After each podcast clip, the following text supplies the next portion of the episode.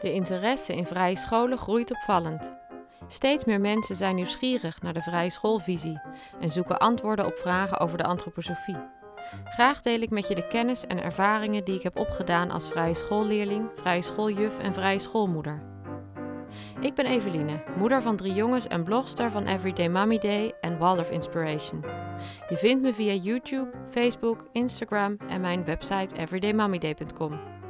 Je luistert naar mijn podcastserie over leven met de antroposofie als inspiratiebron. De constitutietypen. In de vorige afleveringen van deze serie over antroposofie voor beginners kwamen de temperamenten en de planetentypen aan bod. Deze keer bespreek ik een andere manier om te kijken naar de mens. Ik begin met woorden van Steiner. In het hart weeft het voelen, in het hoofd straalt het denken, in de leden werkt het willen. Wevend in het stralen, werkend in het weven, stralend in het werken, dat is de mens. Rudolf Steiner beschreef verschillende constitutietypen, die de opvoeder kan helpen kinderen beter te begrijpen en begeleiden in hun ontwikkeling. Het is bij persoonlijkheidstypen altijd belangrijk te benoemen dat een mens een kleurrijk en uniek wezen is, dus nooit passend in hokjes, laat staan goed of fout. Door naar de grondtoon te zoeken die in het kind leeft, zou je meer inzicht kunnen krijgen in de vragen die het kind aan het leven stelt.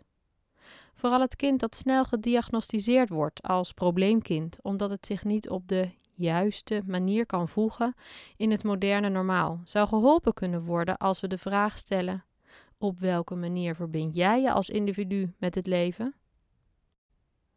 In conventionele hedendaagse termen worden problemen in de ontwikkeling van kinderen vaak gezien als een afgesloten proces, een bepaalde breinfunctie of dysfunctie of een bepaald gedragsprobleem. Dus iets wat vast ligt, een model en dus per definitie onbewegelijk. Interessant is om juist ook te kijken naar het bredere perspectief. Je af te vragen wat de situatie is waarin een mens opgroeit en leeft. In welke vorm zich het anders zijn manifesteert. Waarom juist dit kind vatbaar is gebleken voor een bepaalde problematiek en waar de ontwikkelingsmogelijkheden te zoeken zijn. De constitutietypen hebben te maken met hoe de mens zich met zijn lichaam, ziel en geest met de wereld kan verbinden. Het zijn eigenlijk geen typen, maar beelden, omdat ze niet als strakke categorieën geïnterpreteerd dienen te worden. Meer over die drieledigheid vind je in een eerdere podcastaflevering van mij. Het gebied van de ziel is daar waar de mens zich via het denken, voelen en willen manifesteert in het leven. Het denken vindt plaats in de hersenen.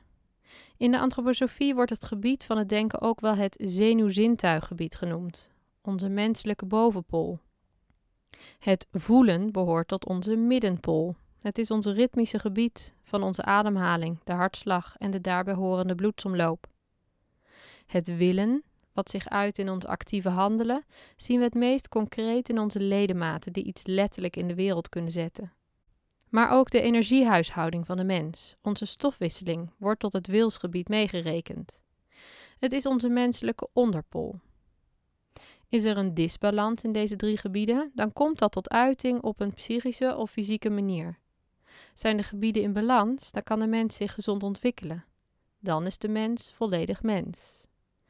In het hart weeft het voelen, in het hoofd straalt het denken, in de leden werkt het willen, wevend in het stralen, werkend in het weven, stralend in het werken. Dat is de mens. Daar waar de planetentypen werkzaam zijn op de individualiteit van de mens en de temperamenten werkzaam zijn in het gevoelsleven en de aard van hoe mensen handelen, zijn de constituties zichtbaar tot in het fysieke lichaam. Rudolf Steiner beschreef voor de heilpedagogiek, de zorg voor mensen met een beperking, zes verschillende constitutietypen, die in te delen zijn in de volgende drie polariteiten, in samenhang met die bovenpol, middenpol en onderpol. Ten eerste het denken. Het niet kunnen vergeten of dwangmatig vasthouden tegenover het zich niet kunnen herinneren. Dan ten tweede het gevoelsleven. Het gestuwd of verkrampte tegenover het uitvloeiende, hysterische. En ten derde het wilsgebied. Onbeweeglijk tegenover overbeweeglijk. hoe deze constitutietypen zichtbaar zijn in de mens en hoe je mensen kan begeleiden met problemen daarmee, lees je in een boek waarvoor ik een linkje plaats op mijn website Everyday Mommy Day in de blog die hoort bij deze podcastaflevering. Daar vind je ook een samenvatting van dat boek. Naast die zes verschillende constitutietypen, die drie polariteiten voor de helppedagogiek, zijn er ook nog constitutiebeelden die Rudolf Steiner gaf als ondersteuning voor de leraren op vrije scholen. En dat zijn de volgende acht typen. Ten eerste het groothoofdig tegenover het kleinhoofdige kind. Ten tweede het aardegerichte tegenover het kosmisch georiënteerde kind. Ten derde het fantasierijke tegenover het fantasiearme kind. En ten vierde het te licht tegenover het te diep geïncarneerde kind. Deze beelden staan in nauwe samenhang met het vierledig mensbeeld en de ontwikkeling van de mens in de zevenjaarsfase.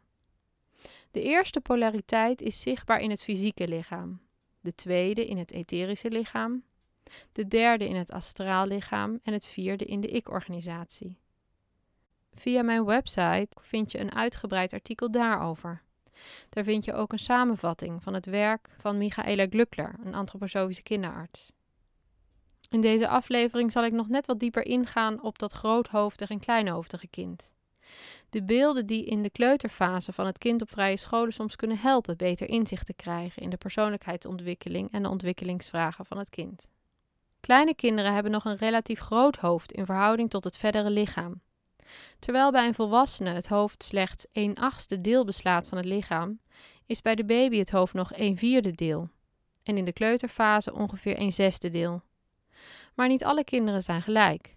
Sommige kinderen neigen naar een smallere gestalte met een relatief klein hoofd. En sommige kinderen naar een eerder ronde gestalte met een relatief groot hoofd. Bij kinderen waarbij de bovenpol groter ontwikkeld is in verhouding tot de rest van het lijf, zou je kunnen zien dat die zenuwzintuigpool niet goed geïntegreerd is met de rest.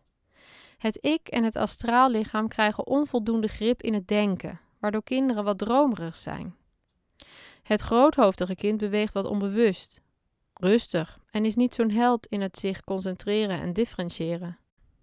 Groothoofdige kinderen zijn de kinderen die je het meest ziet genieten van eindeloze herhalingen, van spelletjes, gezelligheid, een harmonische stemming. Het zijn de kinderen die houden van voorspelbaarheid en lekker, vaak hetzelfde, makkelijk te verteren eten. Als deze kinderen koorts krijgen, dan zijn het flinke kacheltjes. Het zijn de fantasierijke kinderen met een rijk zielenleven en een luchtig gemoed. Bij kleinhoofdige kinderen zie je een compleet ander type kind. Deze kinderen hebben veel sneller de kleuterverhouding, waarbij het hoofd een zesde deel van de gehele lengte inneemt. Het kind is vaak lang en bijna mager. Men zegt dat het ik en het astraallichaam niet voldoende grip hebben op het metabolisme, waardoor metabolische processen ongecontroleerd veel energie onttrekken aan de mens. Kleinhoofdige kinderen zien en horen alles. Ze nemen de wereld tot in de kleinste details waar en vinden het bij het slapen gaan moeilijk de dag en alle gebeurtenissen los te laten. Het zijn de kinderen met een eerder gespannen houding, kinderen met weinig verbeeldend vermogen, die een dunne huid hebben, wat schrikachtig zijn en die soms neigen tot een onbestendig gemoed. De twee typen zijn natuurlijk de extreme. Als beeld zou je voor deze uitersten de winter en de zomer kunnen nemen. Het groothoofdige kind past bij het beeld van de zomerstemming en het kleinhoofdige kind past bij het beeld van de winterstemming. Ter ondersteuning zou je de tegenovergestelde stemming kunnen inzetten. Daar waar het ene kind uitvloeit in warmte, zou kou kunnen helpen. En daar waar het andere kind wat krampachtig kouwelijk is, kan juist overvloedige warmte helpen. Kou en warmte letterlijk in de vorm van een warme kruik of een koude wassing in de ochtend. Ook in de voeding kan je de kinderen helpen. Zoete voeding, niet in snoep, kan het kleinhoofdige kind helpen, terwijl het groothoofdige kind meer gebaat is bij zout of zelfs zuur. Een likje van een citroen werkt samentrekkend en helpt om weer even flink bij jezelf te komen. Tot zover de constitutietypen. Op mijn website everydaymommyday.com vind je de blog die hoort bij deze podcastaflevering. Daar kun je alles teruglezen en vind je de linkjes waarnaar ik eerder verwees. Wil je meer inspiratie? Houd dan dit kanaal in de gaten of meld je aan als abonnee en mis geen aflevering van mijn Waldorf Inspiration podcast. Je doet me een groot plezier feedback te geven over deze mini-lezingjes van dit eerste seizoen. Tot de volgende keer.